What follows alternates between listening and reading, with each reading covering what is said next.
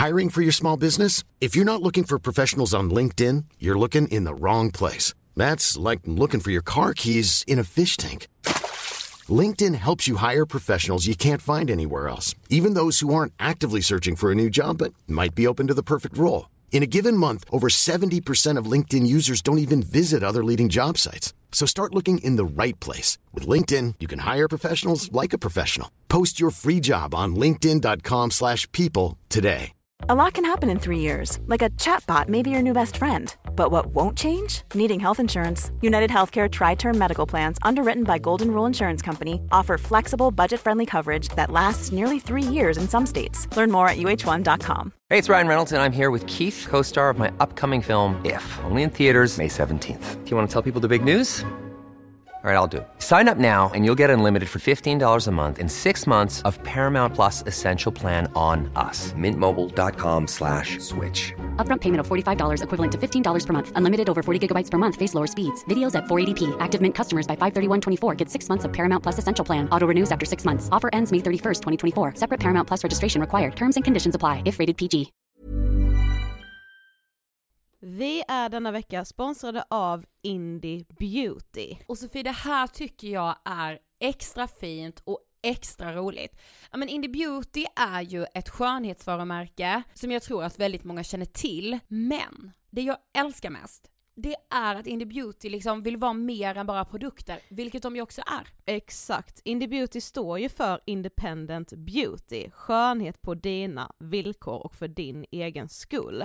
Och Indie Beauty tror ju stenhårt på ett alternativt skönhetsideal fritt från måsten, skam och känslor av otillräcklighet. Där är jag helt med Indie Beauty. Jag med. Det är så jag vill att skönhet ska vara. Ja men verkligen. Och vet du vad som är nytt för i år Sofie? Berätta. Från och med i år så skänker Indie Beauty 1% av sin försäljning till Suicide Zero, Tjejzonen och Djurens Rätt. Så när man handlar produkter från Indie Beauty så kan man liksom känna att man också ger tillbaka till samhället. Ja, kraften i tillsammans. Ska jag säga en sak nu då, som Mm. jag, det, men det är detta jag är extra glad över. Nu har Indie Beauty tagit fram en keps och den tycker jag ändå så på sommaren, skydda sig från solen, Jättebra, jag älskar kepsen. men det bästa, de bidrar till Suicide Zeros viktiga arbete för att minska antalet självmord och självmordsförsök. Så för varje såld keps så går hela vinsten, 100 kronor, direkt till Suicide Zero. Då kan man liksom göra nytta både för samhället och sin hud på en och samma gång. Ja, och kepsen kostar 169, men alltså hela vinsten går då som sagt till Suicide Zero. Så om man vill göra skillnad när man är där ute i solen, nu när den börjar titta fram, då ska man välja den här kepsen. Den säljs exklusivt på indiebeauty.se och på Apotea. Tillsammans kan vi skapa en ljusare framtid. Vi ses med kepsarna på! Tack Indie Beauty. Äkta och representativa bilder av en sympatisk ung tjej. Gör bara outcall.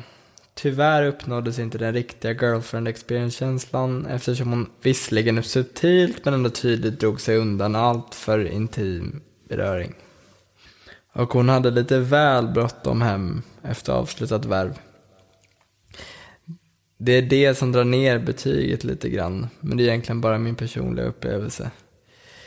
Ibland finns inte den rätta kemin, så är det bara. Förstås prisvärt att få den kroppen hemlevererad för 1500. Visst är hon på bilderna. Inget vidare som eskort dock. Hon gillar inte sitt jobb. Jag kunde lika gärna stoppat kuken i en kakburk. Mekaniskt tråkig. Undvik. Kanske var det tidigare omdömen som gjorde att förväntningarna inte alls stämde. Bilderna är hennes, inte färska, men damen är söt även med extra kilon och celluliter. Besöket blev opersonligt, tekniskt och kyligt. Jag vet inte vad som ligger bakom, men klart är att hon inte mår bra och det påverkar. Du lyssnar på sista delen i Ångestpoddens serie Vi måste prata om prostitution.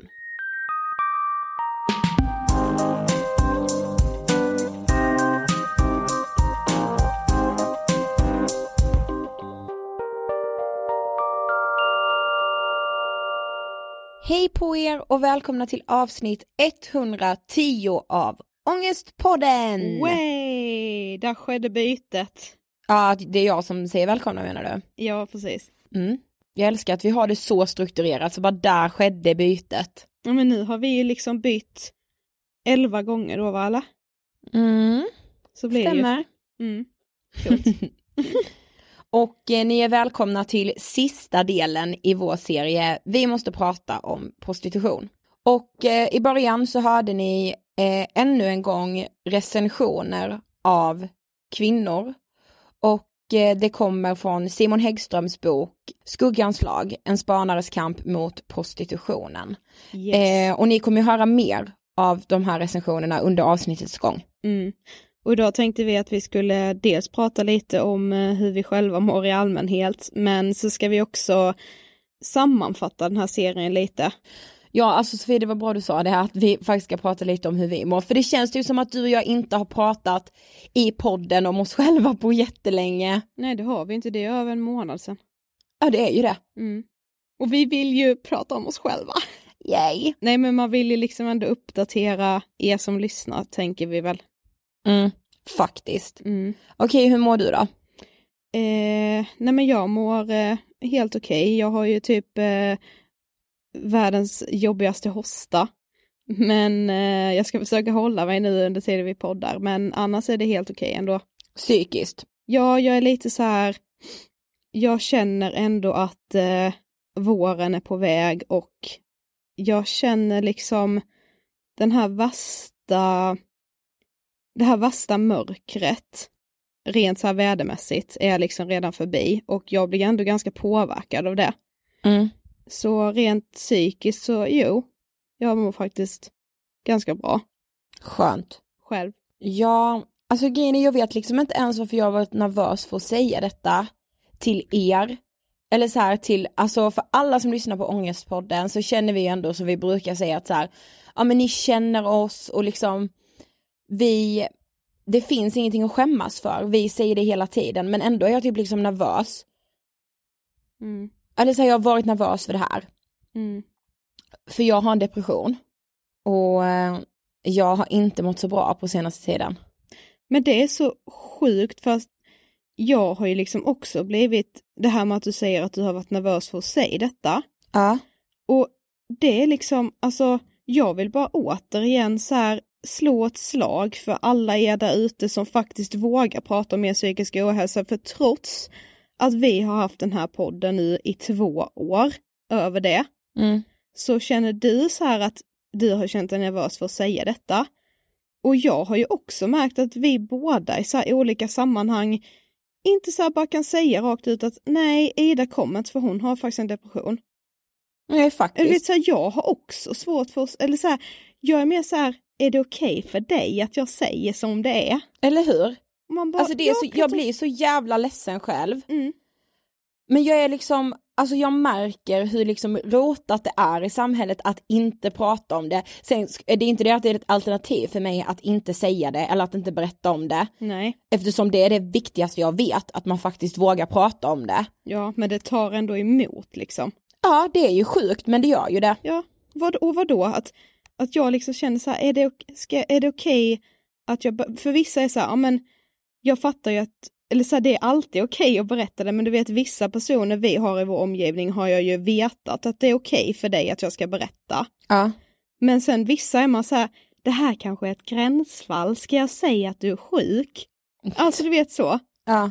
Och det är så jävla, det är så sjukt, men då får man liksom också en påminnelse om att det är inte så himla lätt att prata om sin psykiska ohälsa, men det är ju så sjukt viktigt. Och jag blir bara så, jag beundrar alla som kämpar för att det ska bli lättare att prata om det, för trots som sagt att vi, har, vi jobbar med det här hela tiden så har det liksom ändå tagit emot lite, Mm. vilket är helt sjukt.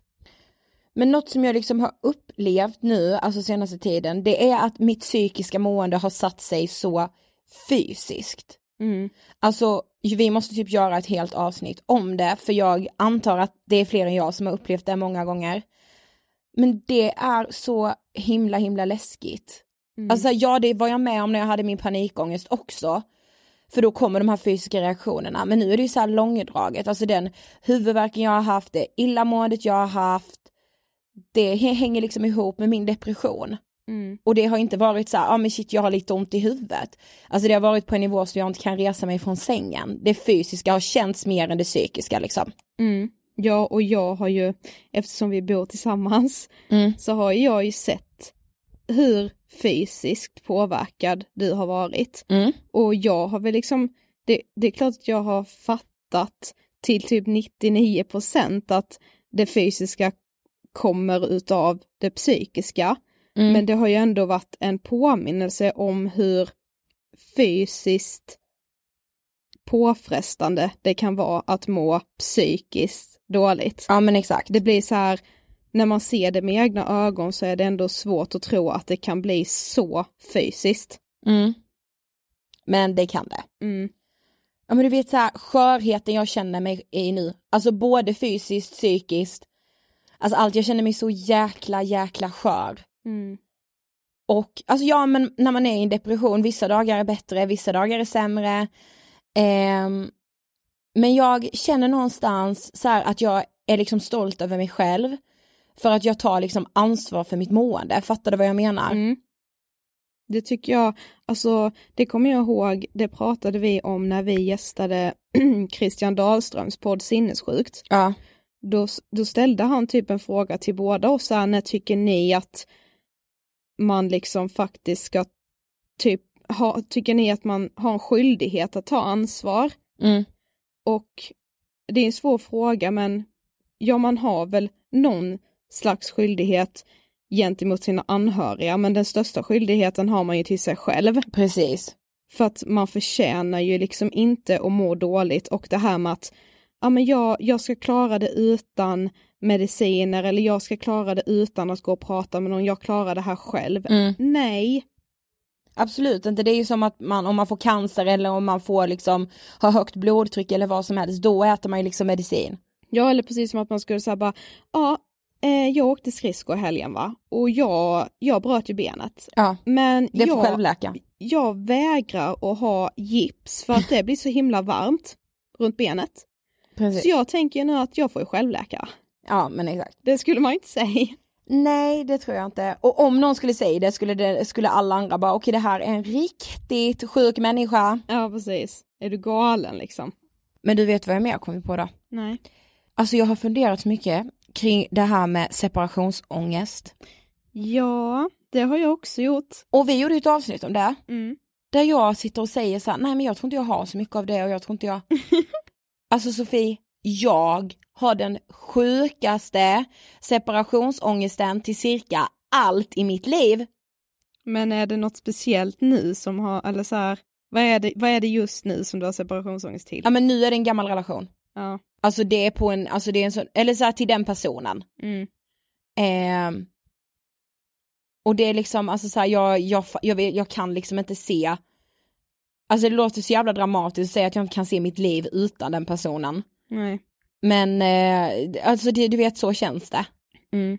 Men vi har ju pratat lite om så här att man är så sjukt bra på att, eller jag vet inte om man kan säga att gemene man är det, eller ifall det är en egenskap som du och jag har. Mm. Men jag tror att det är ganska vanligt att, att man är så sjukt bra på att romantisera saker som har varit. Ja men jag vet, jag eller vet. perioder som har varit. Jag fick ju med ex, sånt extremt separationsångest påslag Ja, eh, för typ någon vecka sedan när du länkar min gamla blogg från gymnasiet. jag vet jag har ju hittat denna. Mm. Och alltså si- sitta och läsa igenom den och så här, när man läser sina egna ord och ser gamla bilder på sig själv, liksom, man, man kan ju verkligen hamna tillbaka till den känslan man hade då. Verkligen. Och känna liksom, alltså, och när jag väl slutade läsa bloggen sen, när jag liksom typ stängde ner, då bara poff var jag liksom tillbaka till den Sofia är nu och jag har ändå förändrats väldigt mycket från när Mm. vi gick på gymnasiet.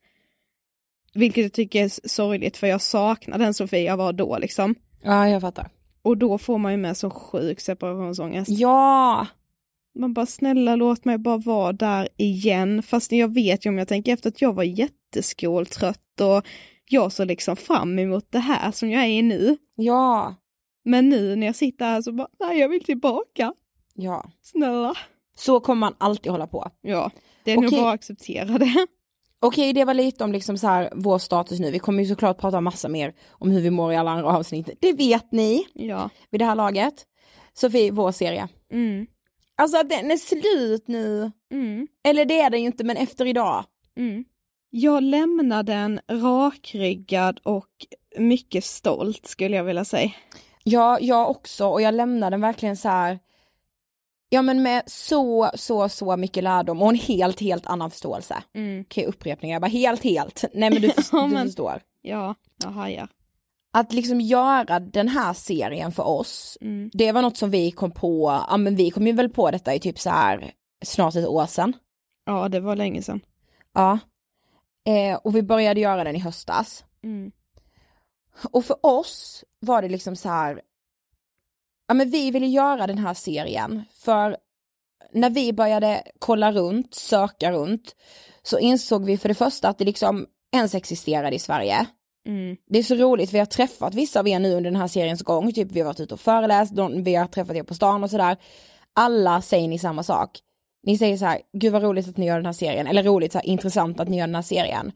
Och så säger ni, jag kan inte fatta att det här finns i Sverige. Nej, alla har liksom sagt att de trodde när vi sa från början att ah, vi kommer göra en serie om prostitution, så alla trott att vi kommer fokusera på världen liksom. Mm.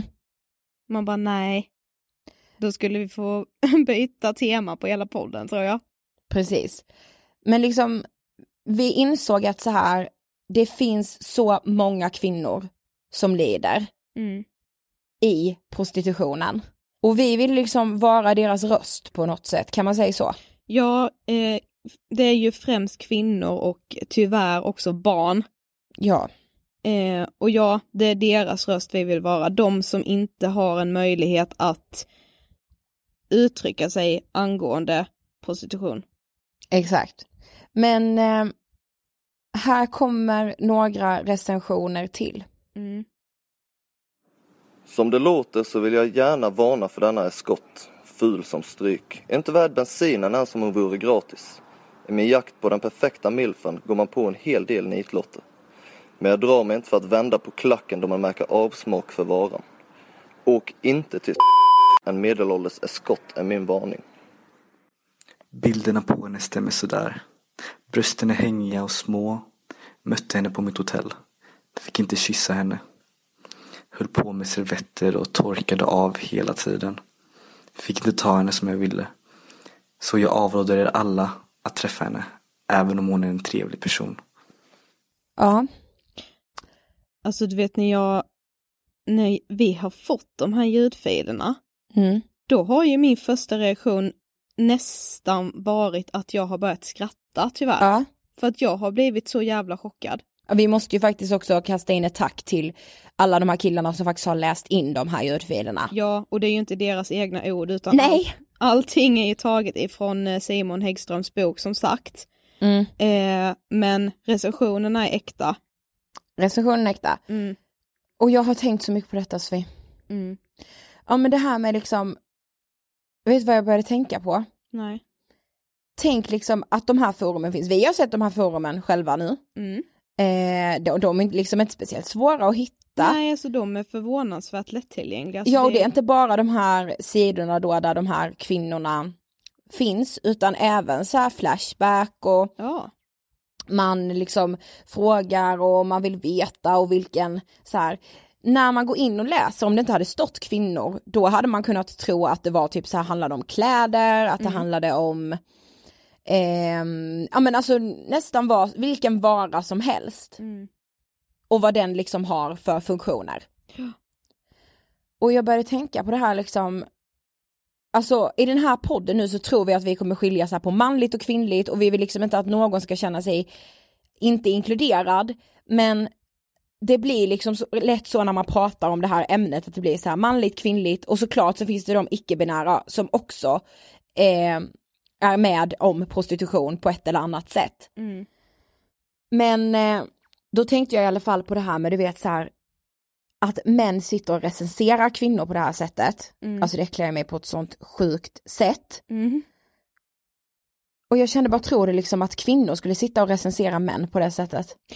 Det skulle säkert kunna hända men det känns ju som att klimatet på de här sidorna är liksom redan upppiskat Mm. av män. Så det, alltså det är som förra veckan när vi pratade med Maria från Eggpat. Mm. Alltså det finns jättemånga bra sidor med internet men sen finns det de dåliga sidorna också. Det är ju att liksom när sådana här kufar, säger jag nu, Mm. hittar liksom ett forum där de märker att deras fantasier finns hos någon annan, Jo. eller väldigt många, då, då normaliseras liksom den tanken. jo, men man kan ju inte säga kufar heller för det är ju inte det. Alltså det är ju killar som är 20 år. är fast killar... jag tycker de är kufar då. Jo, jo, men alltså när, när du säger kuf, då tänker man sig någon så här ensamvarg som sitter ute i skogen i någon stuga med sin Men laptop. det är det ju inte. Nej, precis. Det är ju det det inte är. Men när de här männen, ja precis jag fattar vad du menar, typ så här, de här männen möts på de här forumen. Mm. Där, där man ser kvinnor som en handelsvara. Ja, alltså det blir liksom ingen grej av att skriva ihop en sån recension. Det är liksom, det är så lätt, det är så lättgjort bara för att det har ju redan gjorts tiotusentals gånger så man bara skriver. Exakt, det är deras price runner. Ja, det är liksom inget speciellt. Men du vet så här, ibland kan jag känna så här att män pratar om kvinnor så här, bara, ah, ni sitter på tjejmiddagar och snackar skit liksom och så här pratar om hur killar är i sängen och typ bla bla bla, så, här, så skulle killar aldrig prata. Mm. Man bara, nej, okej, men killar är däremot kapabla att gå in på någon slags price runner för, för människor och skriva om kvinnor som att de vore vilken handelsvara som helst. Mm. Jag blev så rädd första gången nu när vi läste, alltså när vi läste det här första gången. Mm.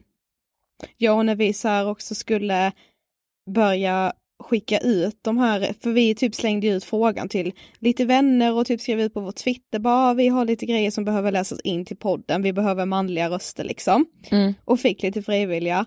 Och att liksom skriva ner de här recensionerna, bara där är det du ska läsa in. Alltså man kände ju, det är så grova saker som man fattar liksom inte att det är sant. Nej men precis. Alltså de här är äkta.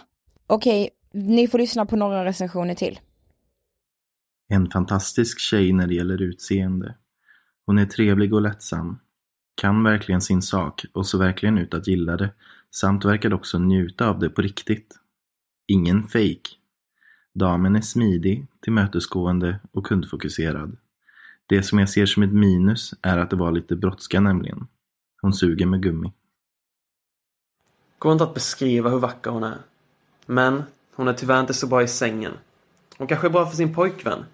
Helt okoncentrerad och hade absolut inga planer på att göra bättre ifrån sig. Kunde knappt suga. Hon förstörde stämningen med att använda sig av för mycket glidmedel. Det var som att doppa kuken i vatten. Gå till någon annan vet jag. Okej, vi ska ju faktiskt vara ärliga också med att vi har fått en del kritik Mm. för den här serien. Mm. Och eh, vi eh, bemöter gärna den. Absolut. Det finns ju en del av prostitutionen som vi har valt att inte ta upp och det är ju främst de kvinnor då som vill prostituera sig. De som kallar sig för sexarbetare och det kan vara män också. Mm. Ehm, och så här, jag vill verkligen klargöra att de människorna som frivilligt säljer sex, vi dömer inte dem, vi tycker inte att vi har rätt att säga att de inte får göra det. Absolut. Ehm, och jag har liksom full respekt för de här personerna. Mm. Vi kände ju att vi vill göra den här serien för alla de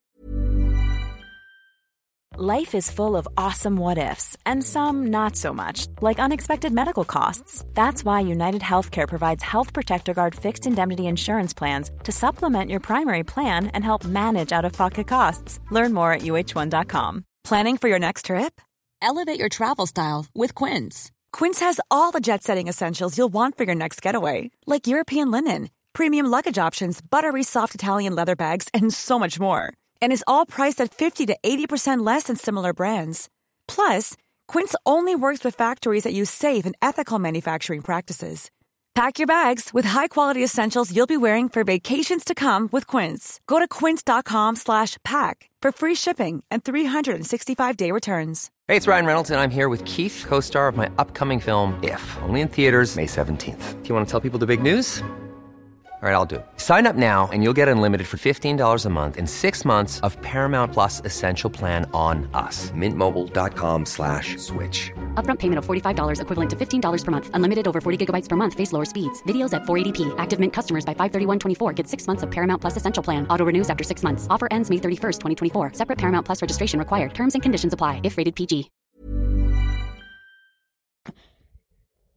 personer som är inkluderade i prostitution och människohandel som inte under några som helst omständigheter skulle kunna höja sin röst och få sina saker sagda om prostitution. Alltså det finns så många som är fast i prostitutionen som mår så psykiskt dåligt av att vara där eller inte har något annat val på grund av fattigdom. Exakt. Och det, vi vill liksom bara att alla ska veta att prostitution finns fortfarande. Alltså som vi sa, så det var så många som inte kunde fatta att vi skulle göra en serie om prostitution och bara fokusera på Sverige, för alla bara, det finns väl inte? Jo, det gör det fortfarande. Det ser liksom likadant ut som det gjorde på 60-talet. Och det har blivit ännu större på internet såklart. Ja, men sen så här med, alltså Elise Lindqvist, Mm. Som vi hade med i vår första del Mm. i vår prostitutionsserie. Hon har ju varit prostituerad själv, Mm. så vi har ju haft med någon som har sålt sex. Mm. Elise står på Malmskillnadsgatan varenda fredag. Varenda fredag står hon där och ser kvinnorna som lider. Hon kunde inte nämna någon av de kvinnorna som mår bra. Det tycker vi är ett ganska stort facit på att den här serien behövs, på att vi inte har gjort den på fel sätt. Och vi har funderat jättemycket på det här, på de mejlen och då på Twitter som vi har fått. De här kvinnorna som är utsatta, de finns inte på Twitter. De har inget Instagramkonto där de kan posta eh, någonting om varför de vill sluta sälja sex och debattera emot. Det går Precis. inte, de är fast i det här, det är människohandel bakom. De har någon hallick som de är livrädd för, som har en hållhake på dem. Och som säger att om du inte gör som jag säger då kommer jag skjuta ner hela din familj. Den problematiken ville vi lyfta. Mm. Och det är också den problematiken som gör att jag tycker att så här, de som då vill sälja sex och som gör det av egen fri vilja, Mm. till vilket pris ska de få göra det? Precis. Ska de få göra det på bekostnad av att de här kvinnorna som är så pass utsatta, att de ska ha den här hållhaken på sig så att deras familjer kan mista livet. Alltså så här, förstå, jag hoppas att ni förstår hur jag tänker. Jag säger inte vad som är rätt eller vad som är fel. Men till vilket pris? Nej, det är intressant det, det här du säger med att vi inte säger vad som är rätt och fel. Mm. För att upp, det är ganska uppenbart att det finns två väldigt starka eh, och väldigt olika åsikter angående liksom att legalisera sexhandel eh, Mm. och att vad liksom sexköpslagen gör för nytta kontra onytta. Mm.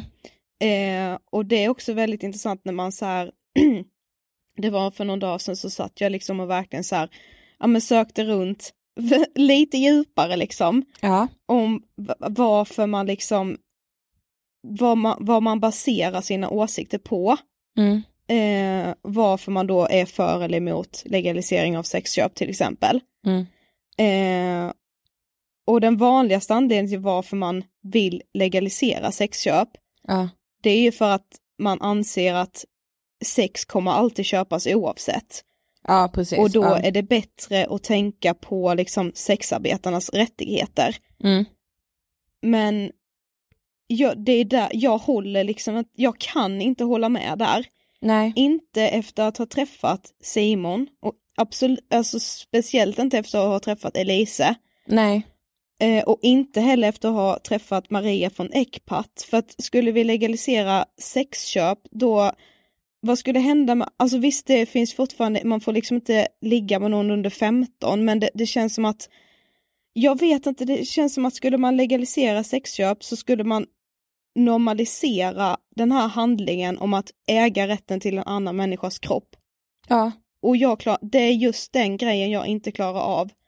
Alltså när vi liksom... Inte när, jag, inte när jag ser hur många det är som lider av det. Nej. Sen att det finns en klick som inte gör det och som mår bra av det. Mm. Det, är så här, det, det är verkligen hemskt för dem. Och det är verkligen synd för dem. Men att säga att OKa så här, bara ja, nu eh, får ni eh, sälja sex, det är fritt fram. Mm. Det är som att ge alla människohandlare och hallickar fritt spelrum, fria, fri tillgång till lokaler att bedriva den här verksamheten. Mm. Ja, grejen var att jag läste också i en, eh, en blogg som jag hittade, Ja. som så här också försökte liksom lite reda ut det här med ska man legalisera, ska man inte göra det, vad är för och nackdelar och så här. Och den här personen som skrev bloggen, man, den personen sa inte ifall vem hen var, Nej eh, men kom ju ganska snabbt också fram till att båda de här lägrena, det är bara liksom mothugg mot varandra och båda hittar liksom anledningar till varför de är för och emot och baserar det egentligen på olika liksom teorier och olika undersökningar som är för deras fördel. Ja, precis. För då hittade jag till exempel så hade det gjorts en undersökning där man intervjuade 854 sexarbetare Mm. i nio länder. Det var Kanada, Colombia, Tyskland, Mexiko, Sydafrika, Thailand, Turkiet, USA och Zambia. Mm. Och där fann man att 89% av alla sexarbetare ville lämna prostitutionen men hade inga andra val för att överleva. Mm. Och 68% av de här 89 procenten hade posttraumatiskt stresssyndrom. Ja. Ehm, men sen så å andra sidan fanns det en annan undersökning som hade gjorts under 12 år. Och det, då hade man liksom under 12 år följt då främst kvinnliga sexarbetare i Thailand. Mm. Eh, och man hade gjort så här djupa intervjuer på 1597 personer. Ja. Och då var det ändå 69% av dem tyck som tyckte att sexarbete var ett bra jobb. Alltså de trivdes jättebra och de ville absolut inte lämna. Nej. Eh, så det finns ju liksom, alla säger olika och det är väldigt spretigt. Jo, men alltså det var ju som när vi träffade Simon Häggström. Mm. Han sa ju det att, ja men de kvinnor han träffar, alltså nästan alla, antingen så lider de av någon form av psykisk ohälsa, det kan vara att de har varit utsatta för något sexuellt övergrepp eh, någon gång i livet, eller någon form av missbruk. Mm. Och han sa att han inte hade träffat någon som inte bockade av någon av de sakerna liksom. Nej. Och då känner jag bara så här, ja, av alla de kvinnor som prostituerar sig så kanske det finns, ja men säg så här, det är två av dem som mår bra. Mm. Och resten, tusentals, eh, är utsatta för människohandel, de mår väldigt, väldigt dåligt. Då vet jag liksom inte om de här två personerna, bara för att de mår bra, så vet jag inte om de kan ta sig rätten då att sälja sex när det finns så många andra som lider. Nej, precis. Men det går ju liksom inte att säga vad som är rätt och fel riktigt, Nej, nej. men bara för att förstå också på vilken nivå som de här delade meningarna finns. Mm. Så jag tror det var så att 2015 så gick Amnesty International, alltså Am- Amnesty är de som arbetar för typ mänskliga rättigheter och så. De gick ut med ett förslag om att legalisera sexköp. Mm. Och då hade ju Sverige redan sexköplagen. Så Amnesty Sverige blev ju liksom jätteifrågasatta. För de bara, men hur, hur, hur ställer ni er till detta när liksom Amnesty International säger så här? Och de bara, men vi vet inte, vi måste lyssna på våra medlemmar och de blev ju liksom nerringda från båda hållen också. De Mm. som är med i Amnesty Sverige som tycker liksom att det förslaget var jättebra och att Amnesty Sverige borde haka på det. Och de som var- är medlemmar, medlemmar i Amnesty Sverige som sa så här, om det går igenom så lämnar jag. Alltså Ja, jag kommer gå ur. Eh, så det är liksom uppe på den höga nivån som det råder delade meningar. Så det är Jo. liksom, det är därför det blir så himla svårt. Ja men jag tänker ju bara så här, ger man inte bara fritt, alltså om man så här legaliserar, Mm. ger man bara inte fritt spelrum för människohandlare då att verka i så här lagliga rum Mm. Samt, alltså så här, ja, människor, alltså så här, trafficking kommer inte bli lagligt. Men man ger ju ändå människohandlarna en plattform att så här, här kan kvinnorna vara lagligt. Sen mm. det som ligger bakom är såklart fortfarande olagligt, men det blir ändå att hjälpa den brottsligheten tycker jag. Ja, men där, där råder det också delade meningar för att det var ändå tv-programmet Kalla fakta. Ja. Det är ändå så här, det är ett seriöst program liksom. Mm. De gjorde ett, eh, ett avsnitt där de liksom påvisade hur den svenska sexköpslagen inte hade fungerat. Okay. För att eh, sexköparen då spred sig till flera grupper och det var alltså att polisen stod helt handfallen och att eh, straffen var, är alldeles för låga. Så det blir så att om, om en sexköpare då åker dit, ja men då får han en böter. Men han kan ju tycka att det är värt det för det är så, ja nu blev det här köpet lite dyrare men han kan göra om samma sak imorgon för det händer liksom inget mer, man får bara en böter. Usch, ja. Så det blir liksom bara, alltså man kommer inte åt problemet eh, ändå. Och då var det, så läste jag någon artikel där det var någon då som vi, påvisade att man, det hade varit bättre att legalisera sexköpen och sen då få sexsäljarna att liksom, att alla skulle se på sex, eh, att man säljer sex som vilket jobb, att det skulle vara som vilket jobb som helst. Mm. Att man sa att de skulle få ett, eh, det skulle underlätta för dem att typ starta ett fackförbund, att det skulle bli liksom mer, ja men mer, mer organiserat eller vad man ska säga, fast på rätt sida lagen då. Mm. Eh, men sen så hittade jag då en annan artikel som liksom sa något helt annat som menade att eh, legaliseringen ökar trafficking.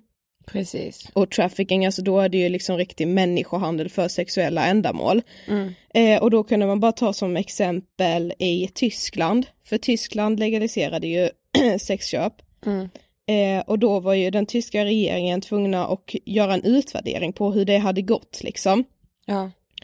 Eh, och då hade de ju då kommit fram till att traffickingen hade ökat i landet och när de även frågade de här kvinnorna som var inne i prostitutionen så tyckte inte de heller att det hade blivit någon förbättring, alltså det var fortfarande väldigt otryggt och eh, det här med att få liksom typ arbetslöshetsförsäkring och pensionssystem och sånt, det funkade liksom ändå inte för de som sålde sex för att de hade ju oftast inte så här avtal och sånt som man måste ha för att typ få en pension.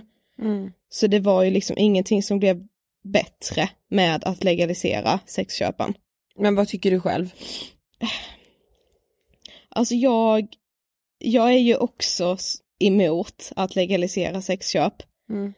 Eh, sen tycker jag såklart att det är, det är synd att de som vill sälja sex kanske inte, alltså att de, de, jag tror att vissa av dem också kan känna sig förtryckta för att ja. de tror så att gemene man tänker att de är liksom annorlunda och konstiga och typ så men ök säljer du sex, fy fan, ja men fy vad äckligt typ. Mm.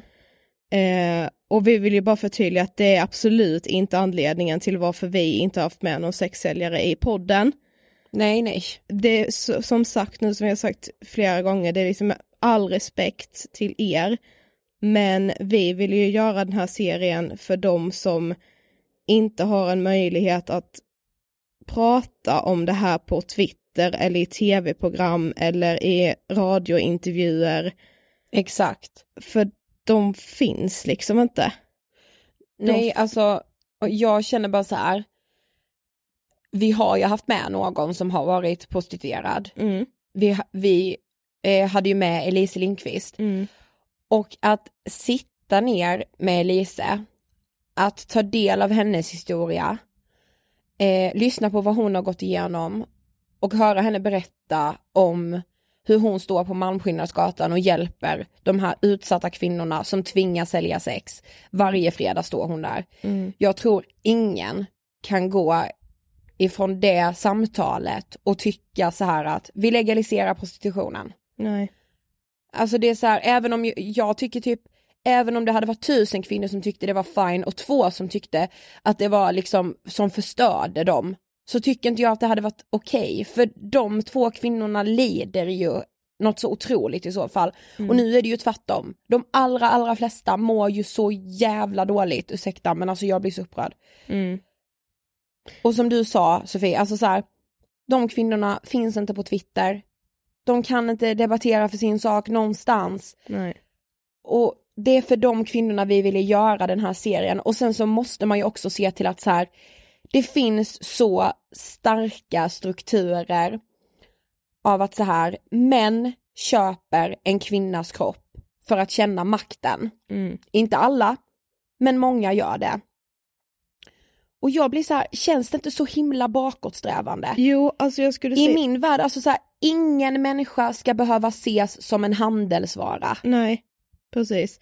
Alltså jag vet inte, jag känner typ så här att det här med legaliseringen, det känns så himla så här, typiskt liberalt, alltså du vet så här att, ja, ah, men alla, man ska få bestämma helt över sin egen kropp och bla bla bla. Men i det här fallet så tycker jag med, det känns bakåtsträvande för att om vi skulle legalisera sexköp, då normaliserar man ju bara den handlingen. Ja. Och det känns liksom som att på, på så sätt ändrar vi ju liksom inga strukturer, då ändrar vi inte hur man liksom, hur man har liksom satt kvinnan efter mannen i så många år, alltså det måste ju ske en förändring. Ja men och sen så här, men man måste ju faktiskt se till fakta. Ja. Simon jobbar på polisen, han har aldrig gripit en kvinna för sexköp utan bara män. Mm. Alltså det säger ju ändå någonting, man kan ju inte blunda för det. Nej. Och så här, ja men det finns vissa kvinnor som är fine med, att sälja sex, jo men absolut. Mm. Men de flesta är ju faktiskt inte det och att män då köper de här utsatta kvinnorna, Mm. det i min värld, det får inte ske. Nej. Så ska vi ju såklart komma ihåg att det finns män Ja, och ja, ja, man ska absolut. absolut. inte glömma bort alla yngre pojkar. Ja men det är främst unga pojkar och homosexuella män. Mm. Eh, även om män är en minoritet när det kommer till att sälja sex. Men alltså vi vill inte förminska det, absolut inte. Och vi vet om att det finns. Mm, det verkligen. blir ju liksom att man pratar så här i stora liksom termer och typ så här svepande. Mm. Eh, men som sagt, vi vill inte förminska dem och vi vet att de finns. Mm. Alltså innan vi avrundar här, vi måste ju få veta vad ni tycker och tänker. Ja! Så snälla mejla oss för vi tycker ju det är jätteintressant som sagt och vi har gärna en öppen dialog om detta. Eh, men som sagt det är liksom svårt att argumentera för att eh, de olika sidorna har liksom, jag tycker liksom att båda argumenten är väldigt starka. Jag tycker absolut inte det. Ja Alltså, men det nej, jag, faktiskt säger säga. inte att jag håller med. Nej nej, men jag tycker inte att det är starka argument på andra sidan heller. Eller på den sidan, jag tycker inte att det är starka argument. Jag tycker inte att det håller i jämförelse med att trafficking ökar så förstår inte jag så här hur ett sånt, hur man ens kan fortsätta argumentera för sin sak. Jag tycker nästan att det blir liksom egoistiskt när så många människor utsätts. Alltså att då hävda sin rätt att säga, jo men jag mår bra av det. Ja fast titta på alla de här andra som mår så dåligt. Mm. Men mejla oss i alla fall. Angespodden att ingetfilter.se Och jag tycker det är så kul att ni verkligen gillar serien, alltså så här att ni verkligen känner att ni har lärt er någonting och alltså vi blir så glada av det. Mm, För vi har lärt oss så sjukt mycket. Mm, verkligen. Och om någon av er eh, har misstanke om att någon i er närhet säljer sex, så tveka liksom inte att prata med någon om det. För ofta så gör ni bara en jättetjänst för den personen som har börjat sälja sex. Eller om ni själva säljer sex och vill komma ur det. Det är liksom inte fel på er, ni ska inte skämmas. Nej. Absolut inte. Och ni är inte ensamma. Eh, och sen förra veckan så gästades vi av Ecpat, så vi vill bara ännu en gång påminna om att eh, om man har blivit utsatt för något sexuellt övergrepp, att anmäla det. Och även om man ser, eh, främst då barnpornografiskt material, att anmäla det direkt. Mm. Det kanske blir lite enklare att anmäla om man också tänker på att en anmälan kan rädda så många andra också. Precis. För då kommer liksom saker och ting upp till ytan. Ju fler anmälningar desto bättre. Verkligen. Och Sofie, jag vill verkligen ge en shout-out och världens största tack till Elise Lindqvist, eh, till Simon Häggström från Stockholmspolisen och deras prostitutionsgrupp, eh, Johan från kastverksamheten, Maria från Ecpat, ja hela Ecpat. Eh, utan er hade den här serien aldrig varit möjlig att göra, så stort tack! Och sen också ett stort, stort tack till alla er som har hjälpt oss att spela in eh, ljudfiler. Tack, tack, tack. Och sist men absolut inte minst eh, Simon Häggströms bok Skuggans lag, en spanares kamp mot prostitutionen. Eh, vi är så tacksamma för den här boken för den har liksom hjälpt oss så mycket i vårt arbete med den här serien. Mm, Simon släpper ju faktiskt ny, ny bok nu i vår också så det ska bli sjukt spännande att läsa. Ja, Eh, det var allt den här veckan och nästa vecka är vi tillbaka med en gäst. Yeah!